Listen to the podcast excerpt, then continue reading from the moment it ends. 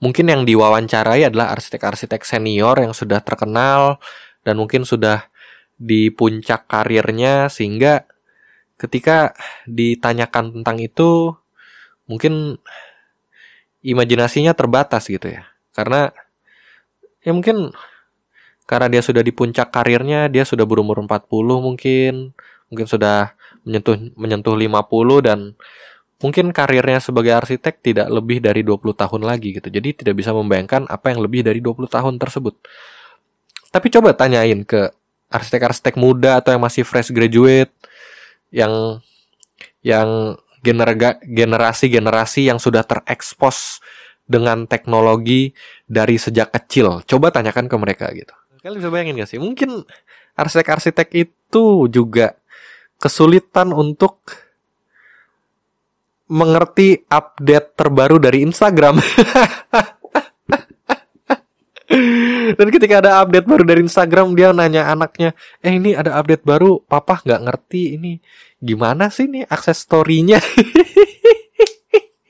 Dan kemudian ditanyakan, menurut bapak gimana arsitek 4.0?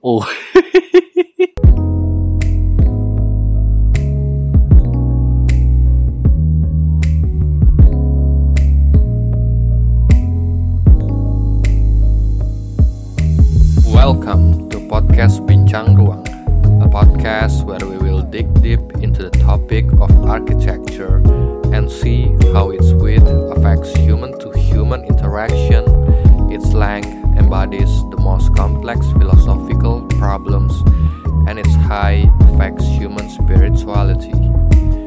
Sit back and listen to how the space around you is built with multidimensional paradigm.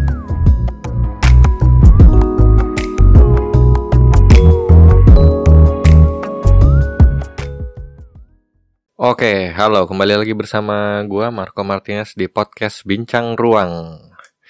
Jadi uh, kali ini gua karena sudah dua episode gua podcast ini berbicara bersama tamu.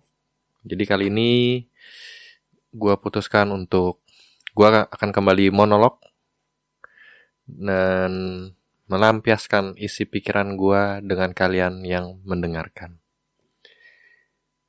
Oke, jadi kali ini di episode 8 gue akan membicarakan tentang arsitektur 4.0. Uh, gue akan mengajak kalian untuk berimajinasi dan kita akan time travel ke masa depan 20 tahun, 50 tahun ke depan. Uh, jadi menurut kalian uh, menurut kalian gimana uh, arsitektur font 4.0?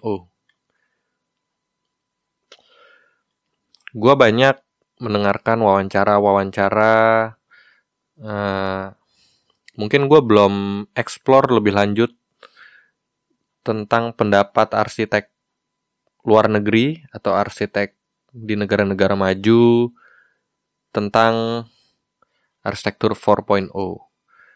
Itu mungkin gue harus explore lebih lanjut. Tapi gue beberapa kali uh, menemui wawancara atau semacam talk show uh, dengan arsitek lokal, arsitek Indonesia dan beberapa di beberapa kesempatan uh, ditanyakan tentang arsitektur 4.0 kepada mereka dan rata-rata Jawabannya adalah uh, tidak mungkin arsitek itu digantikan oleh mesin. Karena arsitek adalah bidang yang yang menyangkut tentang rasa, tentang taste. Dan mesin itu tidak bisa tidak bisa menduplikasi taste atau rasa. Begitu. Tapi gimana sih menurut kalian? Hmm. Menurut kalian apakah mungkin atau tidak mungkin arsitek itu digantikan oleh sebuah mesin? Uh, jadi kalian bisa bayangkan uh, ketika kalian membutuhkan sebuah desain rumah gitu, kalian tinggal masukin ke program kalian sukanya apa mode rumahnya seperti apa ruang-ruangnya mau seperti apa masukin data-data data-data data-data dan komputer akan generate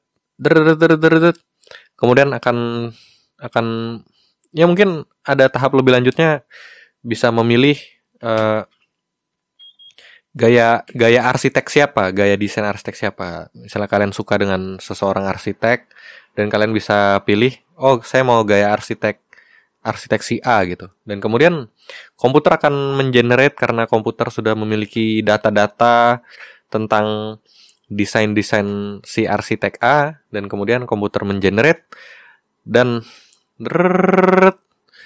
10%, 20%, 30%, 40 persen, 50 persen, 70 persen, 80 persen, 90, 91, 92. Dan ketika udah 90-an, kalian pelototin terus karena kalian tidak sabar gitu melihat hasilnya. kalian pelototin 97, 98, 99, 100 terus dan di situ langsung keluar. Bras desain rumah kalian gitu. dan itu langsung sesuai dengan apa yang kalian mau desain rumahnya dan ketika desain tersebut ditunjukin ke si arsitek A, eh nih lihat nih gue pakai komputer, gue pilih nama lu supaya desainnya kira-kira mirip lah kayak seperti yang lu lu desain gitu. Terus si arsitek A lihat, oh oh gitu ya, coba coba coba lihat desainnya gimana. Terus si arsitek A kayak, anjing. Ini sama persis kayak apa yang gue mau desain.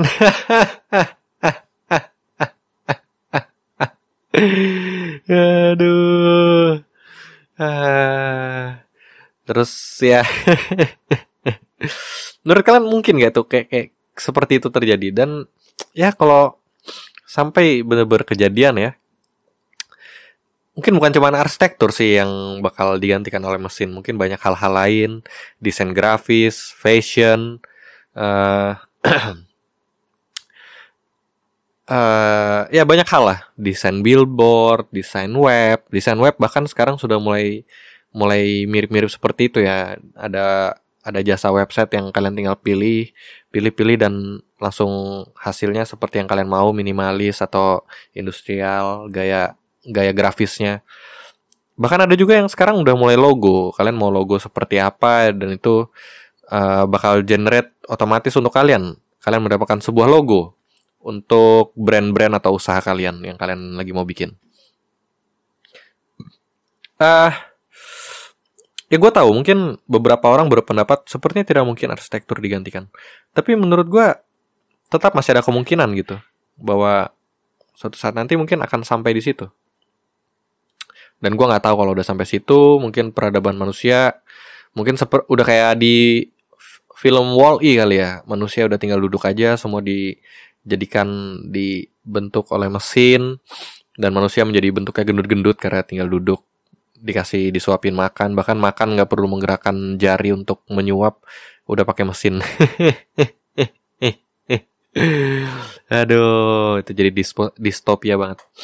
Uh, Ya, itu mungkin terlalu jauh. Tapi untuk untuk kita proyeksikan ke hal-hal yang lebih dekat dan mungkin lebih realistis gitu ya. Gua merasa arsitektur mungkin akan berevolusi gitu.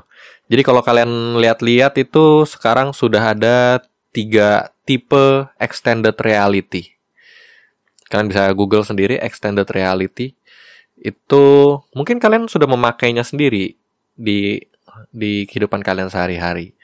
Uh, kalian bisa tebak nggak di poin ini? Gue akan akan menuju ke mana pembicaraannya. Jadi ada tiga tipe extended reality. Yang pertama adalah virtual reality. Virtual reality itu yang sekarang sekarang sudah dijual bebas ya yang seperti uh, kacamata itu dan kalian taruh HP-nya di dalam kacamata kalian di dalam kacamata tersebut dan kalian taruh kacamata itu ya di mata kalian gitu. Dan kalian bisa melihat sebuah dunia virtual gitu dari dari dalam kacamata itu uh, dari layar yang dipancarkan oleh layar HP kalian. Dan itu adalah uh, kalian menciptakan seakan-akan kalian ada di dalam dunia virtual tersebut gitu dan itulah virtual reality gitu.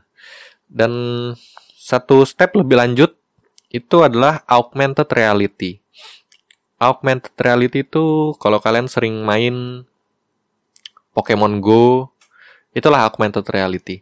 Jadi uh, objek virtual tersebut di augment ke dalam reality, ke dalam dunia nyata gitu. Jadi kalian bisa pakai HP kalian, kameranya dinyalakan dan kalian nyalakan augmented reality-nya dan seakan-akan di atas meja kalian ada si Pikachu atau ada ada Bulbasaur dan seakan-akan objek virtual itu berada di atas meja kalian. Tapi kalian harus melihatnya dari dalam layar HP kalian. Begitu. Itu adalah augmented reality. Gitu. Tapi kalian hanya bisa melihat itu dari layar HP kalian dan kalian tidak bisa berinteraksi di dunia nyata dengan objek-objek virtual tersebut, objek digital tersebut. Dan sekarang mungkin yang belum ramai dan belum banyak diimplementasikan ada lagi yang satu step lebih lanjut. Oh ya, uh, kalian bisa tebak apa itu? Jadi satu step lebih lanjut itu namanya adalah mix reality, mix dicampur ya. Ini gue kayak apa kayak seakan-akan pendengarnya nggak ngerti bahasa Inggris. Jadi mix reality itu menggabungkan antara dunia virtual dengan dunia nyata. Gitu. Hmm, contohnya mungkin seperti kalau kalian nonton film Iron Man. Di film Iron Man, ketika si Iron Man-nya lagi kerja di workshopnya dia, di meja dia bisa muncul uh, hologram hologram gitu. Di Iron Man pertama bisa kelihatan ada uh, hologram desain Iron Man pertamanya gitu di atas mejanya dia. Dan dia bisa menggerakkan hologram tersebut dengan dengan gerakan tangan dia gitu. Terus uh, bisa dia desain di situ dari yang Mark 1 dia buang-buang buang-buang buang dia gerakin pakai tangan dia dia uh, buang elemen ini tidak perlu pakai tangan dia di hologram itu seret kebuang ada tong sampah virtualnya gitu. Treng dibuang lagi. Ini kayaknya nggak perlu. Treng ini kayaknya nggak perlu. Dan itulah mixed reality gitu. Uh, kalau implementasi di dunia nyata sebenarnya udah ada. Jadi itu uh, seperti HoloLens ya HoloLens jadi seperti seperti kacamata virtual reality atau kacamata augmented reality, tapi kacamata tersebut itu transparan. Jadi kalian bisa lihat tembus pandang, jadi itu hanya berupa kaca aja. Tapi di dari kaca tersebut akan terproyeksi objek-objek uh, objek-objek digital gitu dari kacamata itu.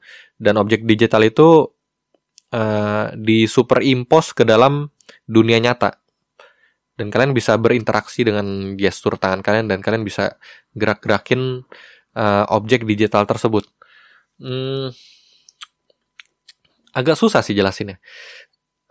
Uh, lebih gampangnya sih ya kalian coba aja nonton film Iron Man gitu, yang dia ya gitulah bisa berinteraksi dengan objek digital di dalam dunia nyata gitu. Hmm, kalian bisa kebayang gak sih? Itu ya gue excited juga sih tapi uh, tapi apa nyambungnya dengan dengan topik kita kali ini arsitektur 4.0 jadi menurut gue arsitektur mungkin ke depannya akan berevolusi sesuai dengan uh, kalau nantinya mixed reality ini sudah diterima oleh semua orang gitu atau mungkin bahkan bisa jadi HP kalian itu nanti bisa menjadi sebuah uh, media untuk mengakses mengakses mixed reality gitu.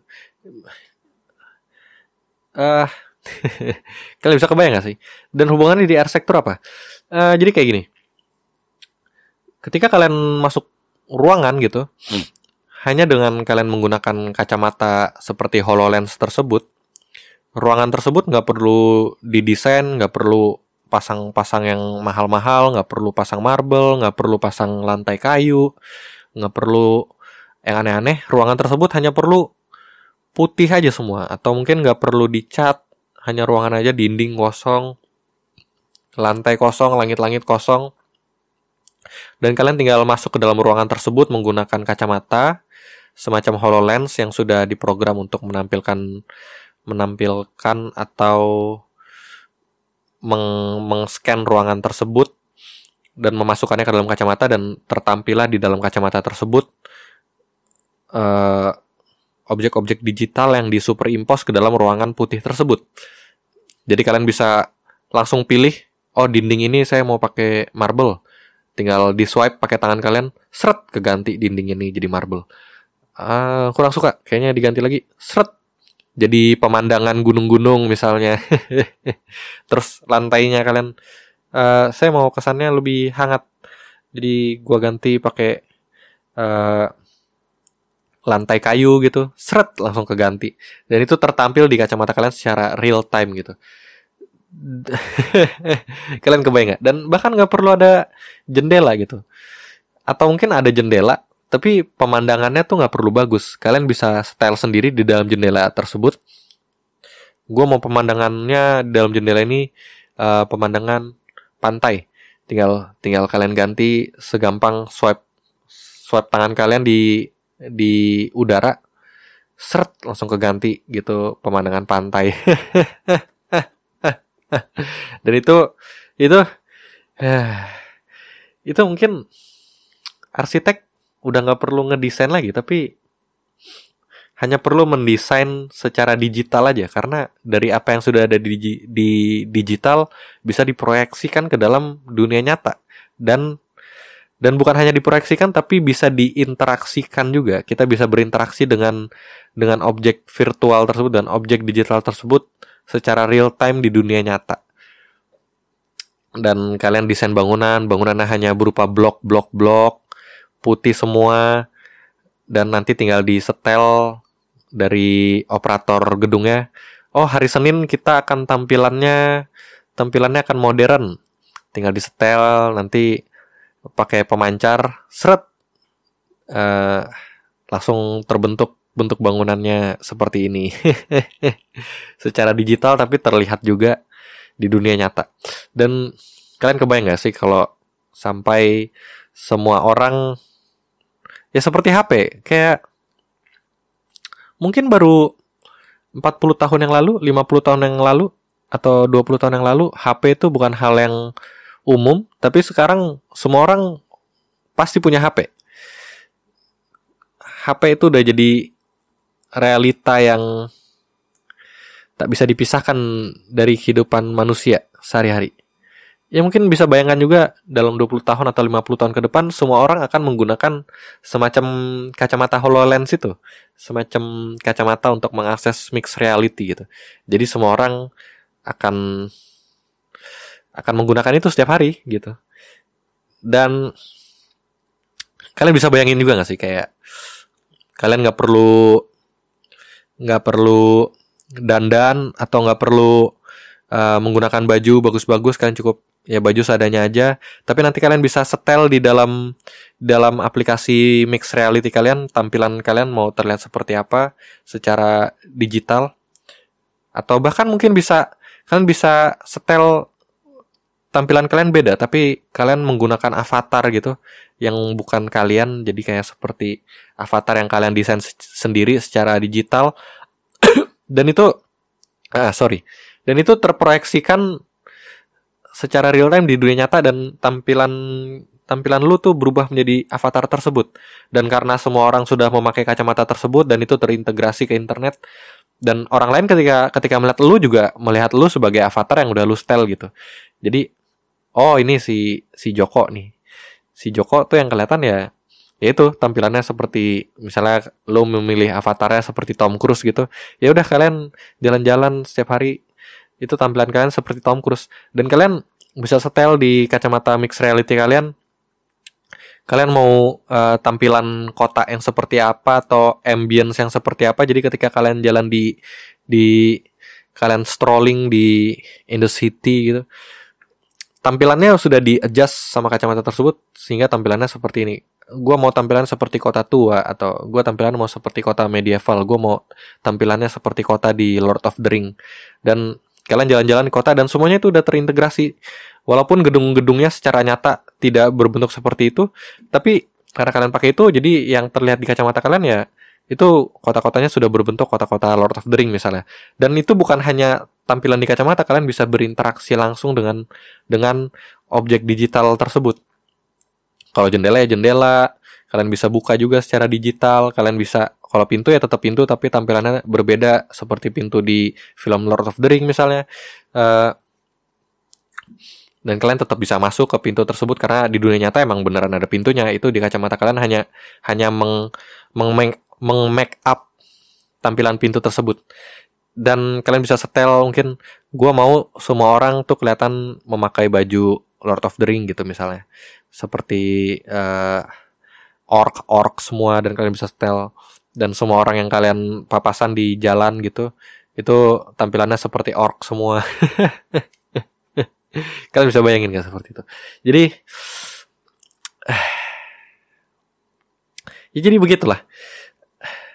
Dan ketika sudah di poin tersebut ya mungkin arsitektur akan berevolusi menjadi semacam arsitek digital ya. Karena konten-konten digital tersebut untuk menampilkan bangunan gedung seperti ini, untuk menampilkan bangunan gedung seperti itu, untuk memproyeksikan bangunan gedung seperti seperti di Lord of the Ring atau seperti uh, kota Dubai gitu misalnya. Itu kan tetap perlu harus ada yang mendesain supaya supaya spesifik seperti itu dan spesifik yang diproyeksikan ke dalam gedung A itu tampilannya A B C D E F G itu pasti tetap harus yang ada yang mendesain dan arsitek cukup mendesain konten digital.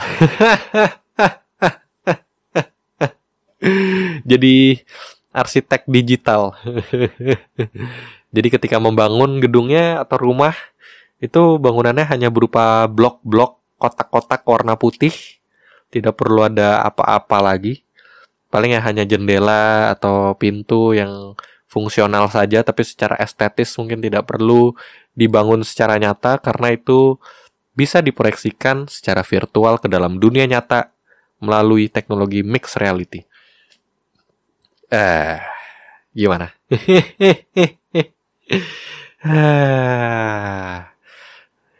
gua ngomong kayak udah panjang tapi baru 20 menit. Jadi, gua rasa arsitektur 4.0 mungkin akan seperti itu dalam waktu dekat. Gitu. Dan gue juga sempet hmm, mungkin kalau kita lihat sekarang arsitek juga sudah mulai sudah diasis oleh komputer, sudah disupport oleh komputer atau apa di asis tuh ya asis ya. Dibantu oleh komputer dengan sistem CAD. CAD itu kepanjangan dari kalau tidak salah Computer Assisted Drawing. Jadi untuk menggambar pun sudah diasis oleh komputer.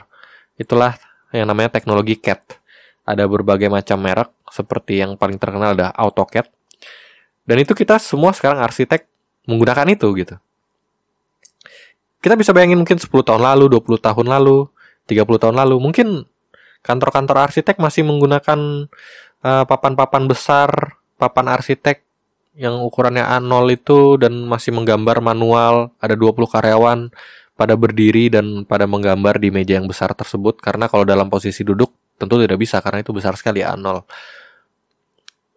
eh, tapi sekarang kita bisa lihat di sekarang semua orang sudah tidak perlu meja yang besar-besar, hanya meja kecil dengan satu komputer dan ya bisa langsung menggambar di situ dengan menggunakan teknologi CAD.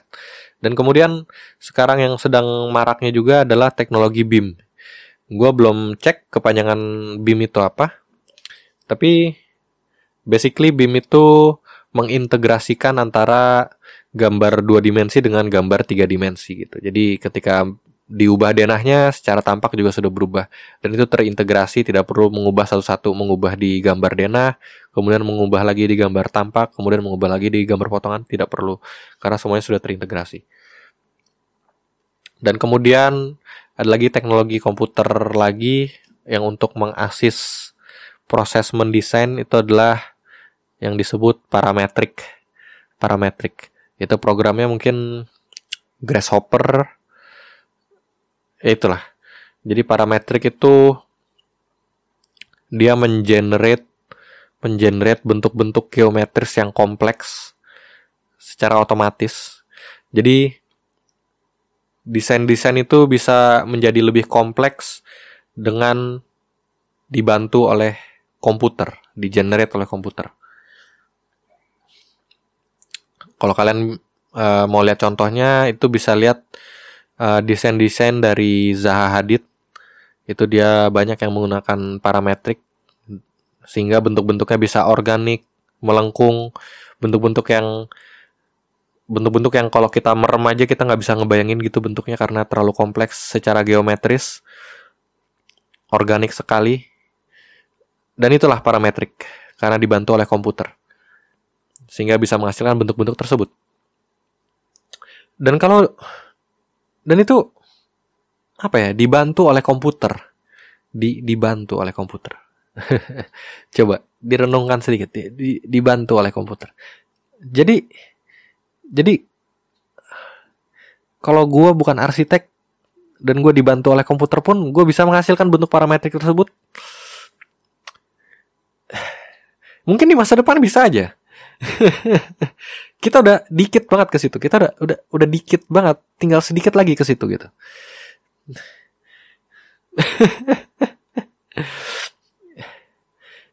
Tadi mungkin di awal kita membayangkan hal-hal yang jauh, tapi ini gue membayangkan hal-hal yang dekat ya.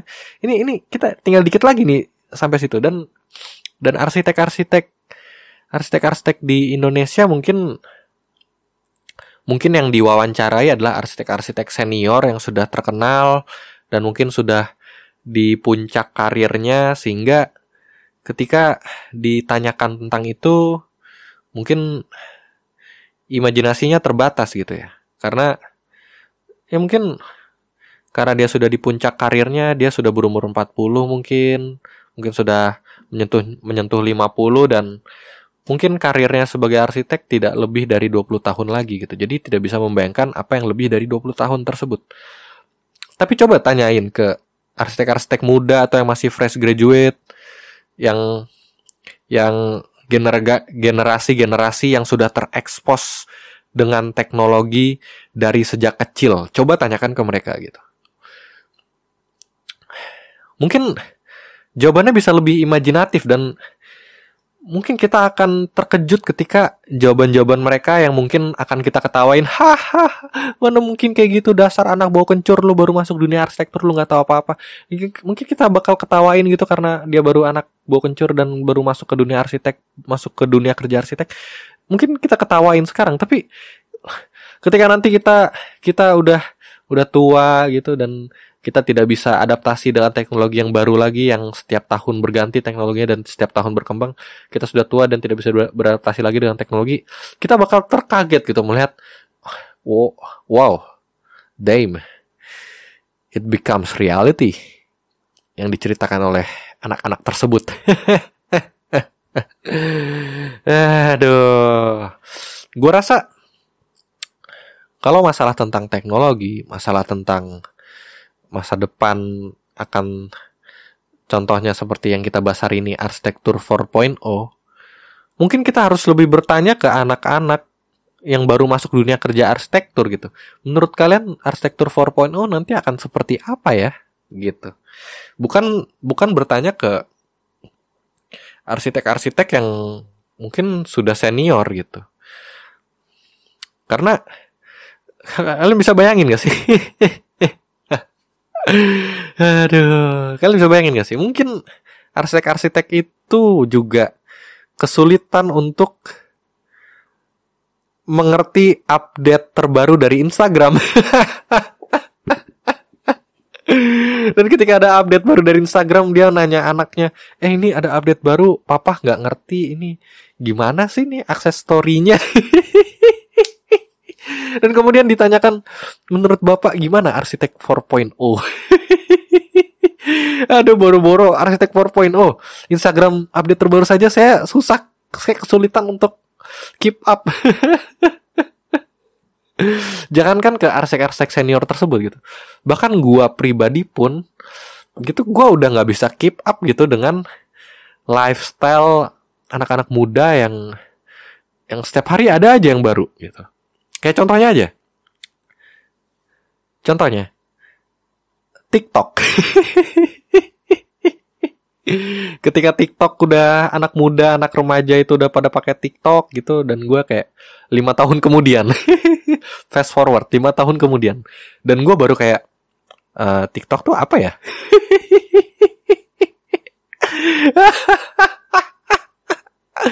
dan kemudian ditanyain, menurut bapak arsitektur 4.0 itu seperti apa ya?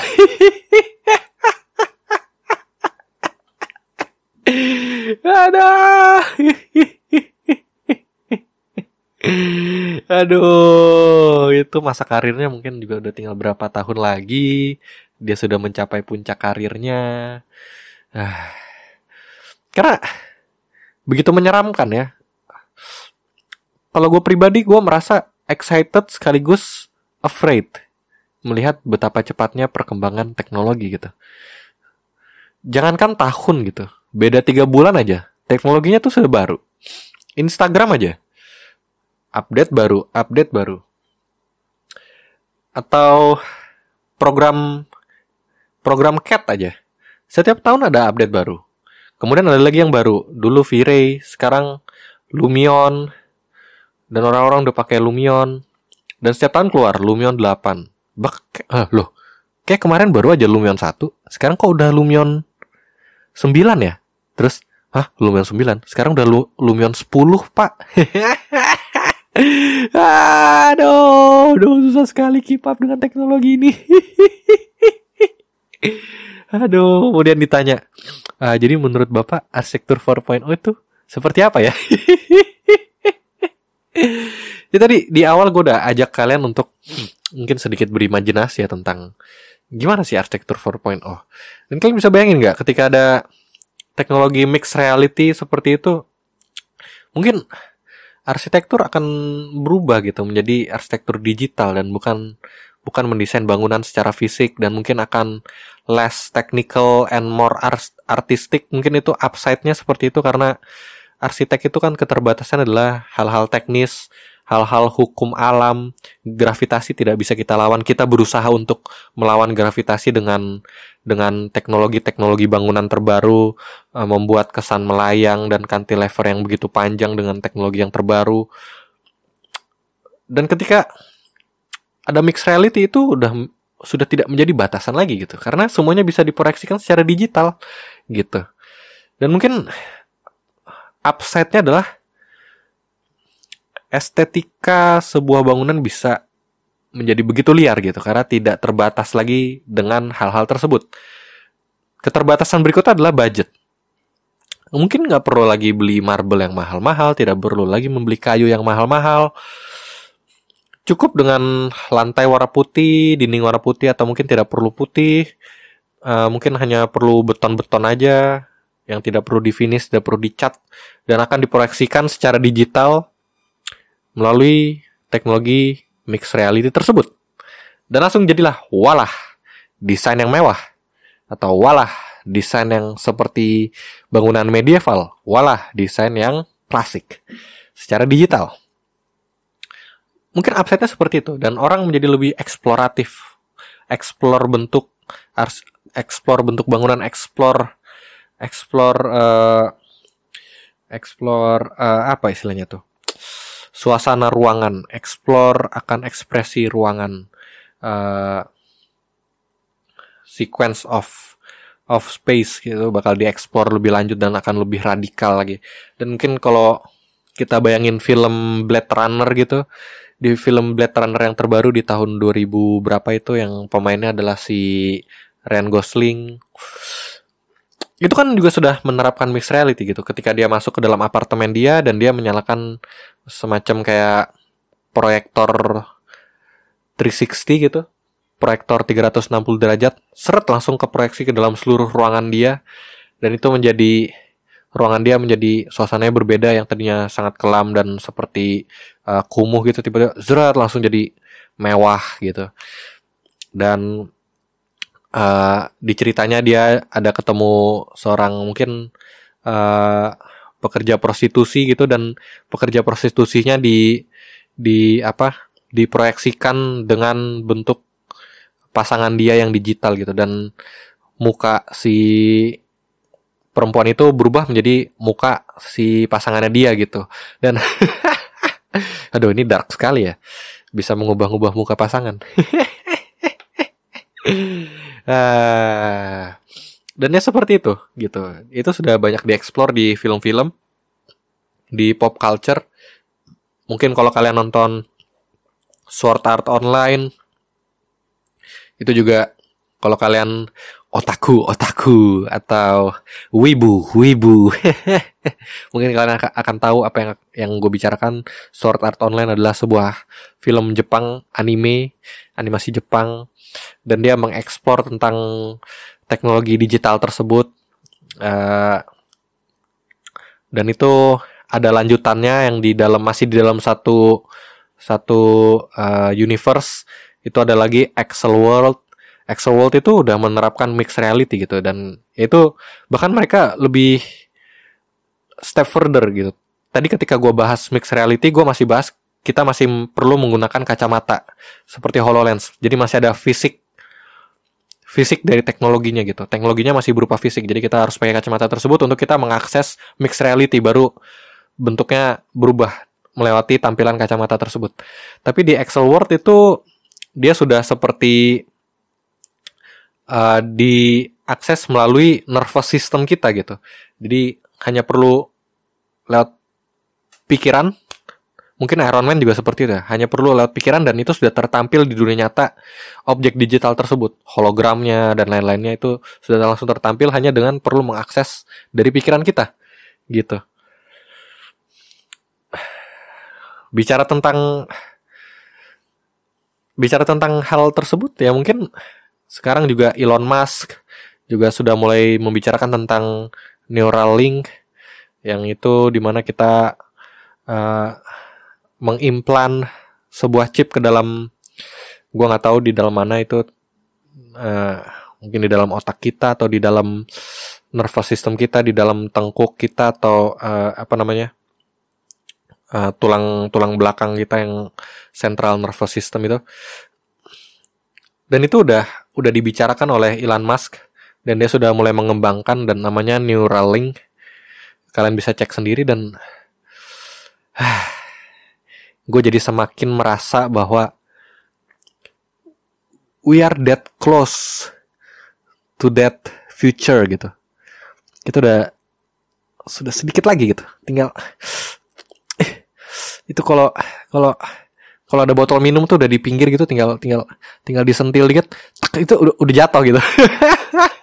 Kita kita tuh udah udah deket ke arah situ gitu dan dan orang-orang atau arsitek-arsitek bapak-bapak arsitek senior itu ketika ditanya gimana menurut bapak arsitektur 4.0 saya rasa arsitektur 4.0 itu tidak bisa di arsitektur itu tidak bisa digantikan karena arsitek itu uh, uh, berkaitan tentang taste atau berkaitan tentang rasa dan itu tidak bisa diduplikasi oleh mesin. In some way, it's true gitu. It's true. Tapi ada hal-hal mungkin yang tidak diimajinasikan yang di luar imajinasinya bahwa taste itu memang tidak bisa diduplikasi oleh mesin tapi ilusi akan taste itu bisa diduplikasi oleh mesin gitu. Seperti yang tadi kayak tetap manusia yang akan menentukan taste-nya. Mesin itu hanya perlu mengakomodasi taste manusia tersebut dan menampilkannya dalam bentuk digital. Plus dalam bentuk mixed reality gitu. Jadi komputer tidak perlu mengenerate atau mengolah data untuk bisa menebak atau menghasilkan sebuah taste. Tapi mesin itu hanya perlu sanggup mencapai titik menampilkan ilusi akan taste tersebut. Gue susah sih. Ada hal-hal yang perlu imajinasi lebih lanjut yang di luar akal pikiran biasanya gitu. Itu kita membayangkan imajinasi seperti itu kayak it blows my mind gitu. Damn. We are that close to that future. Ah. Dan gue semakin gue semakin takut sih dengan masa depan excited dan takut dalam dalam waktu yang bersamaan gitu. Akhirnya 40 menit. gue mengisi waktu untuk podcast ini tuh capek juga ya lama-lama ya. Kayak gue udah ngomong panjang dan ah pikiran gue udah habis, gue udah mentok dan baru 30 menit tadi, aduh 20 menit, astagfirullah. Dan alhamdulillah sekarang sudah 40 menit. Uh, eh gimana? Jadi kita sudah 40 menit kita membahas tentang arsitektur 4.0 dan gue mengajak kalian untuk berimajinasi lebih lanjut, berimajinasi lebih jauh, berimajinasi lebih dalam, berimajinasi lebih panjang, berimajinasi lebih lebar, dan apakah kalian sudah bisa sampai ke titik imajinasi yang gue sampaikan? atau mungkin kalian punya imajinasi yang lain dan mungkin kalian punya bayangan yang lain tentang arsitektur 4.0 you let me know in the comment section dan gue seperti biasa I thank you all for listening this podcast and thank you for listening this whole 40 minutes podcast from start to end without skipping. And that's all for this episode. We will see you next time in podcast Bincang Ruang. I am Marco Martinez. See you next time. Goodbye.